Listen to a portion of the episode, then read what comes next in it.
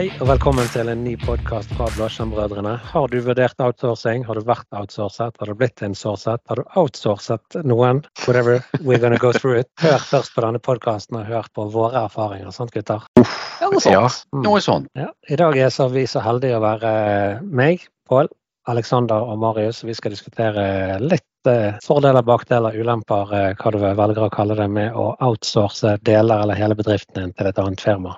Eller ting rundt det. Ja, Mm. vi har jo erfaring allerede nå med at vi har outsourcet Olav, så vi har jo allerede oppdaget hvordan det er å ikke ha én til stede. da. Det er jo et eksempel på, på hvordan du mangler plutselig noen som skulle ha vært til stede. Ja, men vi som har vært konsulenter i veldig, veldig, veldig mange år og opplevd mange forskjellige situasjoner der ute. Vi har jo sett denne trenden komme og gå, der alt skulle outsources. Og om det var til et stort indisk selskap eller om det var til et konsulentselskap, det, det varierte. Mm, ja. Mm. Noen, eh, skal vi begynne med noen fordeler med dette? For det, det er jo en trend som er på vei tilbake nå, føler jeg. Outsourcing eller insourcing? Du mener det er tilbake? Nei, vi kan begynne Det går litt i bølgedaler, det gjør det. Ja, så hvorfor folk valgte outsource opprinnelig. da. Ja, så jeg vil jo si at noe, En av delene typisk da vil jo være at eh, altså, eller, Ja, det er mange grunner. Pris er jo én ting.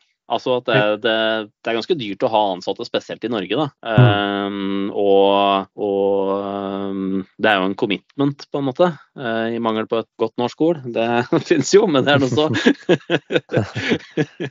Ja, det kommer jo plutselig litt andre utgifter, og du får eh, pensjonssparing og du får forsikringer og ting som, som Ja, det følger er med ikke å være bare å kvitte seg med, med ansatte, f.eks. Bare si du, nå har vi ikke så veldig behov for deg lenger, nå må du stikke. Det er ikke kjempetrivielt i Norge. Det er ganske mye enklere med en outsourcing-partner, da. Mm, Dere har jo prøvd å bli meg i årevis, og se hvor langt vi har kommet på den. Ja, Ja, det går ikke. Vi prøver og prøver, men uh, du sitter jeg- på som en klegg. Klorer meg fast. Og du Alex, noen erfaring med outsourcing? Man har jo i, i mange scenarioer prøvd å få til enten samarbeid, altså stordriftsfordeler. da. Eh, mange av de som lytter her jobber gjerne i privat sektor, og hvis man ikke har vært innom offentlig eller kommunal sektor, så er det litt vanskelig å gjerne sette seg i kontekst, men veldig mange gjør den samme oppgaven på en eller annen måte i veldig mange organisasjoner. Mm. Så det er sånn at oppgavene blir større og bredere. Sant? Du kan ikke ha det sånn. altså Alle kommuner skal være sin HD, skal være sin firewall, skal være sin alt mulig. Og det hjelper Mm. lite hvis du eh, uten å name-droppe kommuner, da, men si at du er en valgfri kommune på Vestlandet med 3500 innbyggere og 14 stykker i staben, og én er delvis brannmann og delvis IT. Eh, du rekker ikke over. Så du er rett og slett nødt til å tenke stordriftsfordeler. da. Mm. Og Det er jo, er jo en kjensgjerning virkelig begynt å gjøre seg gjeldende fra midten av 2000-tallet. gjerne da. At uh, Vi ser det at oppgavene vokser, ressursene og kapasiteten og mulighetene gjør ikke. Mm. Men nå har vi jo sett at den trenden har snudd litt. Grann. Mange selskaper velger jo å hente tilbake kompetanse Inhouse, in-house, rett og slett. Ja, dere kan jo se på, på din egen arbeidsgiver, f.eks., Pål. Dere har jo Mm. betraktelig, eller fått tak i ja, veldig mye bra kompetanse inne hos dere. Mm. Og det er jo ganske annerledes enn sånn det så ut der for noen år siden. Som innbiller jeg meg, i hvert fall. Ja, absolutt. Og en av grunnene til det er jo ting som vi har diskutert utenom dette. Det er det at ved å outsource så får du gjerne en god tjeneste av en god partner, og vi har hatt en god partner, men vi gir fra oss mye kompetanse og kunnskap om, om vår egen organisasjon. Så plutselig så er den, den kompetansen som er bygget opp over år, den ligger ikke lenger hos deg, den ligger hos din partner. Du blir på en måte bundet opp og knyttet opp til en partner om du vil det eller ikke, for det er der all kompetansen ligger. Mm. Med å bygge inn med in-house, sånn som vi gjør nå, så får vi på en måte, blir vi tvunget til å lære oss sjøl å kjenne. Mm. Og det er ikke bare å bytte outsourcing-partner heller. Det, um, jeg har vært gjennom noen sånne sammen med, med kunder, på en måte ikke sittet i den outsourcing-partner-delen, men sittet som på en måte en tredjepart oppi det hele. Da. Og mm. ja, det, det er mye kompetanse som på en måte forsvinner i de overgangene også. så Du må på en måte erfare hva er det som Bare hvis du ser enkle ting, da, sånn som overvåkning av applikasjoner og respons på på hendelser og liksom erfaringer da, fra Mm. ditt miljø. Eh, Ja. Hva er det som funker på den applikasjonen? Mm. Eh, alle sånne type ting er kan si at det bør dokumenteres og alt mulig sånn, men det forsvinner noe. Uansett åssen du ser på det. Det gjør det. Og en periode så var det veldig populært å bruke andre land, som f.eks. India. Og det vi Mm. så der, er jo det at ja, det er ekstremt flinke mennesker som sitter i India og jobber, men det er en annen kultur. Det er en annen måte å eh, kommunisere på. Og for en vanlig bruker Mm. Så tror jeg det er mer naturlig å kommunisere med en som sitter nært. En som kjenner de, en som de kan snakke med på sitt eget språk, f.eks. Mm. Sånne ting betyr mer enn vi kanskje hadde trodd. da. Det hjalp ikke bare å ha de beste hodene i bakhånd. Altså, IT er jo vanskelig nok i utgangspunktet for veldig mange. Om du ikke skal eh, måtte prøve å forklare problemet ditt i en eller annen norsk applikasjon på engelsk til noen. Mm. Det Ja. kan jo gi utfordringer for de fleste. Ja, kultur er faktisk eh, viktigere enn vi kanskje hadde trodd. Det tror jeg. Og der nevner jo du noe veldig viktig, Pål Erik. For det, det er jo noe som heter merger syndrom. Og det som er jo det at hvis du kjøper opp et selskap i håp om at ting skal bli bedre, både i det selskapet som kjøper og det som blir kjøpt, så viser det seg jo det at veldig mange slutter. Fordi at de liker ikke den nye kulturen som kommer. Mm. Og det trenger ikke nødvendigvis å være de flinkeste. De trenger ikke å være de dyktigste. Det kan til og med være det at et eh, stort selskap, vi kaller det Contoso, eh, kjøper opp eh, Fabrikam, et lite selskap i distriktene. Mm. Men så finner Contoso ut at de skal rett og slett si opp de mest produkt altså minst produktive personer, og de som skaper minst fortjeneste, og det som er dobbelt opp. da. Men Mm. det er jo gjerne de som skaper kulturen. Mm. Og når kulturen forsvinner, så forsvinner de som skaper pengene. også. Ja, vi har et litt ekstremt tilfelle fra konsulentbransjen i Bergen. Jeg kommer ikke til å nevne navn på noen av disse selskapene, men det er et selskap jeg har jobbet i, som fant et annet mindre konsulentselskap som på den tiden var full av kompetanse, meget dyktige mennesker, kjøpte hele dette firmaet. Men de kjøpte jo firmaet av en grunn. Det var jo nettopp det som du sa, at de ville ha den kulturen, den, den kompetansen. Men istedenfor å ta vare på den og dyrke den, så prøvde de å tvinge de inn i et ganske konformt system som de ikke var komfortable med. Hva skjer med de beste IT-hodene når du prøver å tvinge de til å komme inn i et system de ikke trives i? Det vet vel alle vi tre. Ja. Ja, altså Bare noe så enkelt som det at eh, hvis jeg plutselig eh, kommer på jobb, og så over natten får vi beskjed at nei, det er en ny logo på veggen, men du skal ikke merke noe. Og så kommer jeg inn døren og sier at men uh, unnskyld, du er nødt til å begynne å ha på deg sko. Det er jo allerede en sånn stille endring. sant? Altså, Mm. Du kan ikke slutte og Nå, nå må du slutte med sånt. Nå, er det, nå må du på deg sko. Nå skal du ha skjorte, nå skal du ha blazer. Ja, ja, ja, ja. det- Det begynner i det små, sant? Ja. Vi tar vekk kaffeautomaten, for at den hindrer deg i å gjøre jobben din. Ja, Hvis jeg skal klare meg uten kaffeautomat, da blir jeg ikke mye effektiv. Ass. Eller i hvert fall uten kaffetraktor. da. Nei, det er krise. Men det som skjedde med disse to firmaene, var at etter en stund så satt det to mennesker igjen fra det andre firmaet. Det var det, var det de satt igjen med. Mm. Sant? Og det, det sier litt om hvor, hvor, hvor lett det er å gjøre feil. da. Kultur, yes, super important, som de sier på nynorsk. Men nå er jo, ja, vi sier jo det at disse trendene endrer seg. Tror, vi, tror dere at vi kommer tilbake igjen til outsourcing igjen? Kommer det til å bli, kommer storbånd til å sparke alle de de har eh, fått inn nå, og så begynne å outsource igjen, tror dere, om ti år? Ja, men ikke Mm. nødvendigvis store brann. Men jeg tror dette kom, går, kommer i trender. Eh, eh, vi ser jo hele tiden overskrifter i media der småselskap blir kjøpt opp, eller IT-avdelinger flyttes ut, eller det inngås partnerskap, eller det er nye avdelingen som skal drifte IT. Og, og til og med i det stille. Eh, hvis du har da et lite selskap som drifter sin egen interne IT, så velger du å si ok, vi skal fortsatt drifte vår interne IT, men vi må si fra oss servere. Data, datarommet må bort. Så Mm. flytter de den fysiske hostingen inn i en datahall hos en av de valgfrie leverandørene som, som leverer den tjenesten. Så har jo de egentlig tatt en outsourcing. Noen vil kalle det å kjøpe en tjeneste, men i realiteten er jo det en outsourcing. Sant? Du sier at vi har ikke kapasitet, tid, penger, ønske om å drive med disse tingene. Det outsourcer vi. Så outsourcing vil nok komme tilbake igjen og foregår allerede, men jeg tror Men jeg tror ikke vi kan se helt Ja. sånn generisk på det, sånn over alle bransjer ut innenfor alle selskaper og alt mulig heller. Fordi um, man, altså mange selskaper de har kanskje nesten utelukkende SAS-løsninger. Mm. Ikke sant? Da er på en måte IT-drift, det fins ikke. Altså det er IT-forvaltning å lage en bruker Asher av det, og så har du noen, har du en eller annen fyr som du kjenner som, kan, som er konsulent, som du har inn innimellom for å hjelpe deg med litt eh, conditional access-regler, liksom. Altså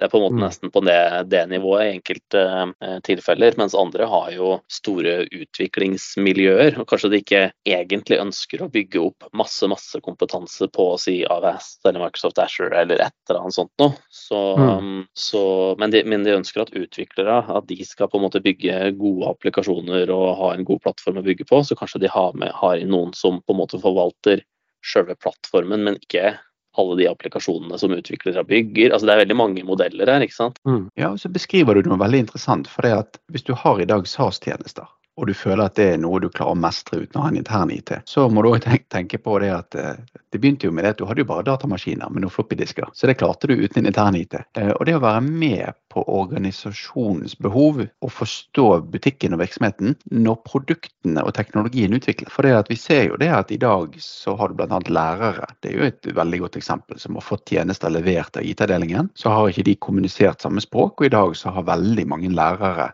egentlig overtatt hele IT-driften, for de har funnet systemer og løsninger som passer bedre for deres bruk. Um, men hva gjør du hvis de outsourcer hele den funksjonen igjen? Uh, mm. Da får du den samme problemstillingen når man må hente det inn igjen. Jeg tror det rett og slett blir litt sånne iterasjoner på forskjellige lag og nivåer. Mm. Ja, og så er det nok mange, mange som er på en måte, de begynte på én ende av skalaen, og så plutselig har det gått helt over i andre enden, altså mot outsourcing, og så justert litt tilbake, og så må du på en måte finne din gylne middelvei over kanskje at det har tatt litt, litt, tid, da, at det har krevd at du har prøvd ut på en måte begge sider. Mm. Jeg, jeg, tenker jo det at det behovet bedrifter har fremover, f.eks. For, for sånne som dere, eh, IT-folk, konsulenter, det blir jo mer og mer spesialisert. Sant? For det, det, som vi gjør hver dag, det gjør vi sjøl, men når vi har noe spesielt som skal gjøres, en eller annen eh, ting som vi gjør én gang, f.eks., mm. så er det mye mer aktuelt å hente en konsulent. Eh, og så må jeg bare si at SAS-tjenester betyr ikke at de, de går av seg sjøl.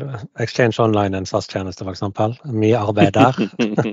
nei, nei, nei, det snurrer og går helt uten hands off. Ja, ja, ja. Det morsomme var jo det at det du beskrev nå, er jo egentlig det motsatte av det vi hørte Olav forklare i, i gangen før han eh, gikk inn på flyet ned til Syden. Og det var jo det at De tar jo nå og gjør alle de kule oppgavene, de som de må forstå, de de lærer av. Selv om du bare gjør det én gang. Det tar de sjøl. Mens det som er kjedelig, repeterende brød og melk, og de bare trenger kapasitet, det leier de inn folk til. Så dette er jo egentlig et sånt eksempel i dataverden der du har scale up og scale out. Um, når du skal gå ut, så gjør de det sjøl, men når du skal ha opp, så henter de inn folk for å bemanne opp da. Eh, før var det gjerne motsatt. Vi mm. Eh, husker vel alle det, hvordan det var å sette opp eh, en on-prem exchange, at du ble leid inn for det. I dag, så hvis du skal sette opp en mailserver, så gjør du gjerne det internt, fordi at det er noe som er unikt på en funksjon. Ja, jeg tenker mm. mer på veldig spesialiserte oppdrag som krever dyp kompetanse om noe. Sånn, Da, da, er det mye dyrere å lære opp en ansatt å gjøre det for å gjøre det én gang, enn å hente inn en konsulent som kan gjøre det på en dag eller en uke, eller hva det er. Ja, sånn som så, rakettkirurgi, f.eks. Rakettkirurgi ikke minst. Ja. så jeg tenker jo f.eks. Eh, la oss si at jeg eh, trenger bistand til noe som er dypt sikkerhetsteknisk i Ashore. Sant? Så kan jo jeg selvfølgelig sitte meg ned og lese på Learn og jobbe masse med det, og så et halvt år senere så kan jeg gjøre den samme jobben som Marius kunne gjort i morgen, f.eks.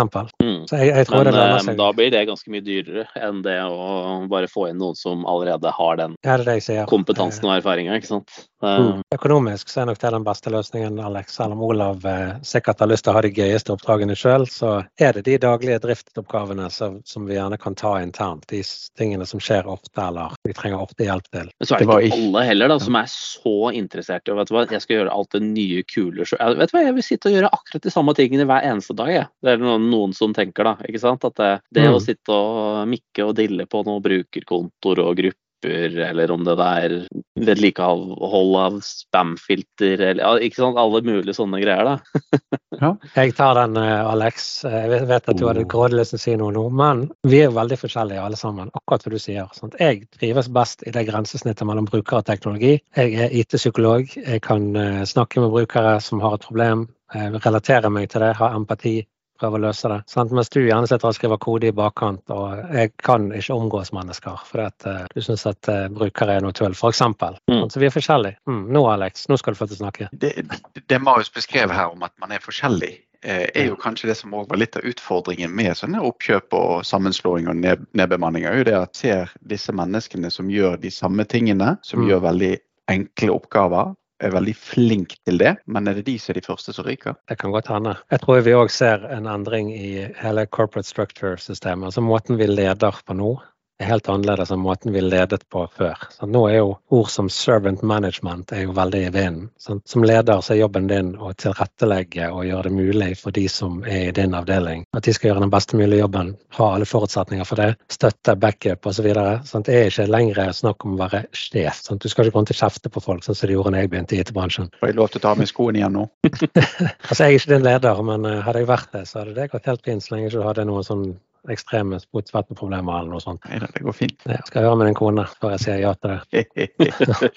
Ja, Merker det dere er det mye at gode poeng i det. Ja. merker dere det at det har forandret seg litt, den, både den rollen og den måten vi jobber på nå, og helt i begynnelsen av karrieren? Ja. Ja, Tenk og så- Alex. ja jeg, jeg syns det var et veldig, veldig godt spørsmål, Pål Erik. Og mm, da har jeg lyst til å bruke en litt sånn ikke sammenlignbar, men likevel sammenlignbar analogi.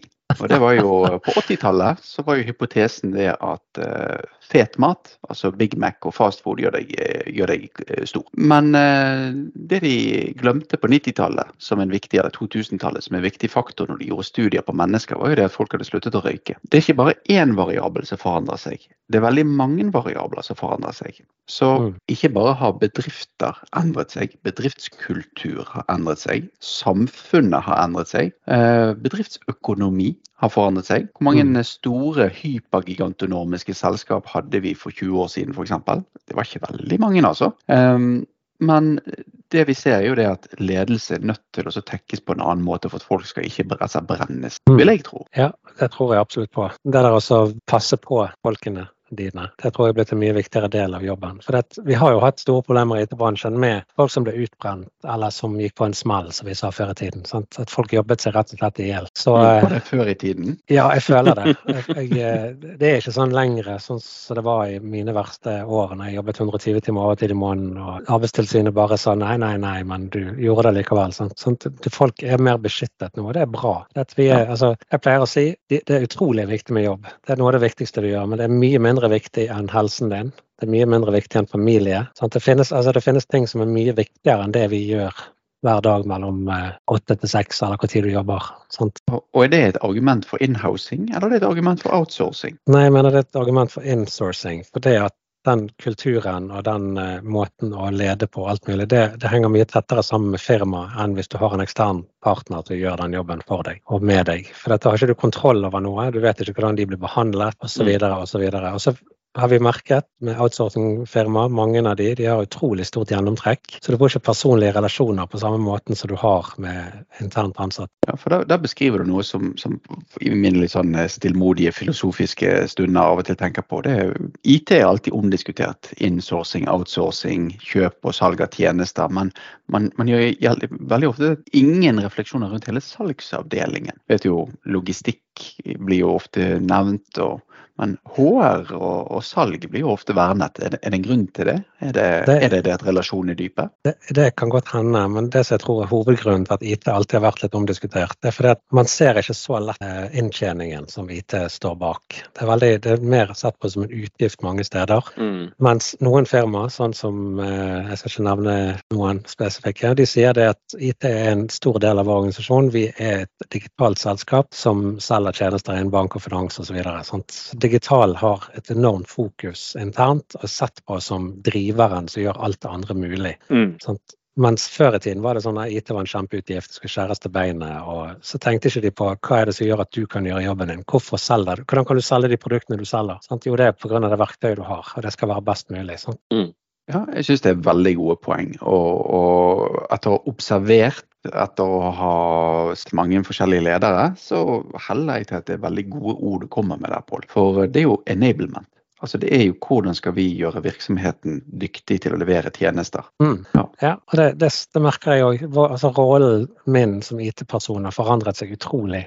Eh, ikke bare fordi at jeg har lært meg cloud-teknologi til en viss grad, men òg måten vi f.eks. nå internt kjører presentasjoner av teknologi. Så vi har nå gående masse opplegg som skal lære folk eh, om det som kommer, store som kommer. Så vi har hatt en podkast om tidligere AI. Eh, Microsoft 365 Copilot, Windows Copilot. Eh, GitHub Copilot for den saks skyld. Altså det er liksom ting Mm. som skjer. Og hvis vi er tidlig ute, vi har informasjonsmøter, vi har sesjoner på det, sant? gjøre folk komfortable med det som skjer, em, så tror jeg at vi får en mye bedre rolle og status i organisasjonen òg. For vi er der for de. Det vi gjør, vi beskytter de, vi tar vare på de, vi sikrer dataene deres, vi hjelper at de skal gjøre jobben sin. Og den Mm. følelsen vil jeg at de skal ha. Ja, den måten beholder du folk, du får tak i folk. Du, altså, fagmiljøet er viktig for veldig, veldig mange. Mm. Og så tror jeg òg det, det er en liten sånn eh, hvordan skal jeg si, Du legger hjertet ditt oppi det. For hvis du kommer som en ekstern, eh, så er det sånn hvis dette selskapet ikke klarer seg, så har jeg mange andre jeg potensielt kan gå til seinere. Men hvis du er et kollegium, så har du en moralsk forpliktelse overfor det teamet du er med, uansett om de er på IT eller salg eller renhold eller kantine eller sveising. Mm. Så hvis jeg ikke gjør min jobb, så har ikke de jobb. Og tilsvarende motsatt. Så man får Mm. liksom en integrert team. Man får et samhørighet, et samhold. Jeg tenker på det ofte som et puslespill. Så vi er alle biter i det store puslespillet som skaper én bedrift eller ett firma. Sant? Jeg er den rare puslespillbiten som aldri passer helt oppi, så du må bruke brikker på plass. Men eh, når du først har han der, så gjør han noe med bildet. Sant? Den som var klippet ut for hånd, sant. Ja, nå må ikke trekke det for langt. Ja, ja, ja. Ja, nei, men jeg føler at hele, hele den IT-bransjen jeg kjenner og har kjent hele min 26 år, eller 26-årige karriere, har vært en utrolig reise. Fra det som jeg syns var kjempespennende og gøy i begynnelsen, til å være kjempespennende og gøy nå, men på en annen måte. Jeg er fremdeles veldig fornøyd med at hver søndag kveld så gruer jeg meg aldri til mandag morgen jeg skal tilbake på jobb. Jeg syns alltid det er kjekt. Det er ikke alle som kan si at det er et langt liv i bransjen altså en bransje. Hvis jeg hadde vært, ikke for å si noe stygt om, om andre yrker, for det er mange trives i de, men hvis jeg hadde vært i et yrke, eh, f.eks. de som kjører en ferge. da. Hver dag står det opp, kjører en ferge frem og tilbake. Sant? Det hadde gjerne ikke passet for meg. Sant? Sikkert passet for noen, men ikke for meg. Jeg vil ha de faglige utfordringene som jeg har, jeg vil ha de endringene, og jeg vil ha den alltid lære-holdning. Alltid Ja. always keep learning. Du er mer på den seile på de syv hav istedenfor inne Boknafjorden, liksom. sant? Altså, Ja. ja. Ja, ja, men det, det er jo en, er jo en fergeanalogi, det. Så får vi se om noen fra Fjord1 ringer Pål og, og gir noen tilbakemeldinger på den analogien. Men jeg, Jeg setter enorm pris på de som kjører fergen, f.eks. når jeg skal besøke datteren min på høyskolen. Så det, alt det der er kjempefint. Eh, Vi er alle forskjellige, og vi trenger, vi, vi trenger alle slags jobber og folk. ja. Og det kan jo òg oppsummeres med at vi trenger også IT-folk. Ja, til og med oss kan være greie å ha av og til. sånn. Så hvis du har noen eh, tanker om outsourcing, om du har blitt outsourcet, insourcet, eh, hva det nå måtte være, fortell oss gjerne om det. Vi er alltid nysgjerrig, og vi elsker å få tilbakemeldinger fra folk. Eh, supert at dere sender både på Messenger og på alle andre steder, men det er enda gøyere hvis dere tar det i kommentarfeltet, så vi kan se om vi kan skape en diskusjon. F.eks.